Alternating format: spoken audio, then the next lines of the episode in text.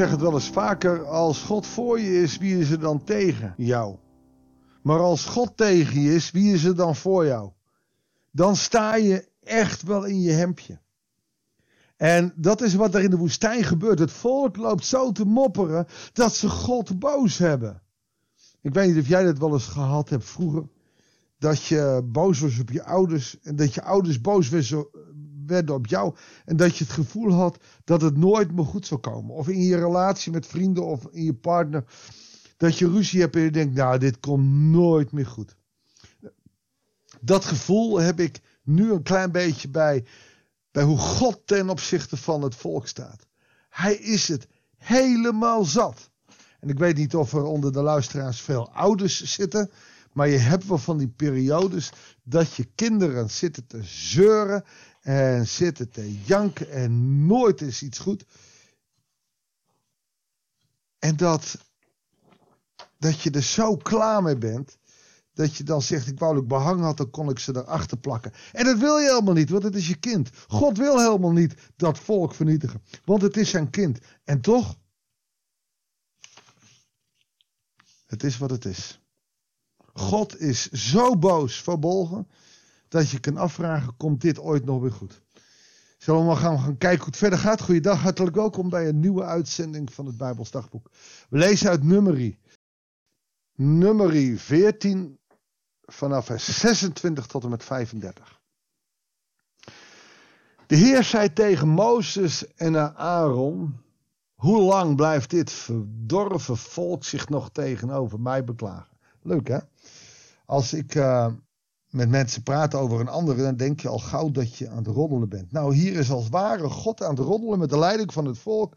Zie jongen, wat moet ik toch met de gezeur van het volk? Ik ben het zo zat. God is het zat, hoor je dat? Proef je dat? Heb je wel eens nagedacht over hoe God over jou denkt? En dan niet meteen zeggen, ja, maar Jezus is voor mij gestorven en genade en liefde. Zou God niet eens ontzettend moe van jou worden? Ik weet niet hoe jij daarover denkt. Als ik daar nu over nadenk, denk ik, wauw, God, wat moet u een geduld met mij hebben? Hoe kan het dat u zo'n groot geduld heeft met mij? Hier zie je in het volk dat hij immens veel geduld moet hebben met het volk. Dat, dat het allemaal niet vanzelfsprekend gaat. Hij heeft alles gegeven. Hij heeft genade gegeven. Hij heeft vrijheid gegeven. Hij heeft liefde gegeven. Hij heeft eten gegeven, drinken gegeven. Het volk lijkt hier zo en het is ook gewoon niet meer dan een verwende puber. Dus wat? Hoe zou die over jou denken? Ben jij ook zo'n verwende puber? Die altijd maar zegt, ja God, maar dit, dit, nou, dit had wel even wat beter. En de God, waarom doet hij dit? Oh, maar God, waarom doet hij dat? Is niet handig, hè? Misschien wel een mooi moment om, uh, om eens na te denken over hoe, hoe God over jou zou denken. Dat kom, kom je nooit uit. Maar het is wel eens mooi om te bezinnen van, hé, hey, hoe zou God over mij denken? Ja, dat is iets wat me te binnen schiet. Dat deel ik met je. Denk er eens over na. God gaat nog even verder met zijn klachten. Ik heb hen voortdurende geklaag lang genoeg aan gehoord. Zeggen dit, en als gisteren al hè, hebben we gelezen in dat stukje hiervoor dat hij verbeden is. Dat, dat God over zijn hart haalt en zegt: Oké, ik zal ze niet vernietigen. Maar zeggen dit. En wat je nu gaat lezen is gerechtigheid. En die komt keihard aan. Zo waar ik leef, spreekt de Heer. Ik zal zeker met jullie doen wat, ik, wat je hebt horen zeggen. Hier in de woestijn zullen jullie lijken liggen. De lijken van alle die ingeschreven staan. Alle van 20 jaar en ouder. Niemand uitgezonderd. Omdat jullie tegenover mij beklaagd hebben. Meteen ga je denken, oké, wat is perspectief? Waarom zou je dan überhaupt die 40 jaar de woestijn nog ingaan? Dit is wat? Dit is raar. Jullie zullen het land waarvan ik gezworen heb dat je er zou wonen niet binnengaan. Er is geen toekomst voor hen. Met uitzondering van Caleb, de zoon van Jefune, en Jozua, de zoon van Nun. Dat zijn die twee verspieders die wel positief waren. Die zeiden laten we op de Heer vertrouwen, hij zal het ons geven. Wat is dan nog de, de, de motivatie om te luisteren en toch je gang te gaan? Nou, dat is het volgende. Jullie kinderen, die volgens jullie zouden worden buitgemaakt, zal ik er wel brengen. Dus alles wat je doet, moet je nu voor je kinderen doen. Dat is heel wat anders dan dat je het voor jezelf doet. Hoeveel hou je nu van je kinderen dat je dat ervoor over hebt? Zij zullen het land dat jullie versmaad hebben, weggeworpen hebben, leren kennen. Maar wat jullie betreft, jullie lijken, en God kan het, ze zeggen wel eens dat ik hard kan praten en, en ook, ook scherp kan zijn. Maar dat is God ook. Jullie lijken zullen hier in de woestijn komen te liggen. En je kinderen zullen veertig jaar lang door de woestijn ronddolen om te boeten voor je ontrouw. En hier gebeurt iets aparts. Opeens zijn het de kinderen die de dupe zijn van hun ouders. Ze worden niet gestraft, ze zijn, het is een gevolg. En dat, is, dat, dat vind ik ook wel een interessante vraag. Zijn wij ons als ouderen altijd bewust van de gevolgen die, van onze daden voor onze kinderen?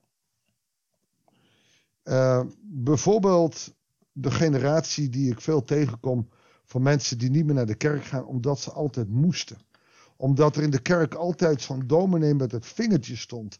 Omdat er een oordeel was. Omdat je niks mocht, maar van alles, nou ja, moest. Het zijn mensen die met dat trauma rondlopen. En dat wil ik niet wegbagatelliseren. Maar als dat betekent dat je dan niet meer naar de kerk gaat, dan is het gevolg voor je kinderen dat ze niet meer of minder gauw in Jezus zullen gaan geloven. Dat betekent niet dat ze daarin gestraft worden, maar ze zijn dus, het is een resultaat van je verkeerde dingen. Veertig dagen hebben jullie het land verkend.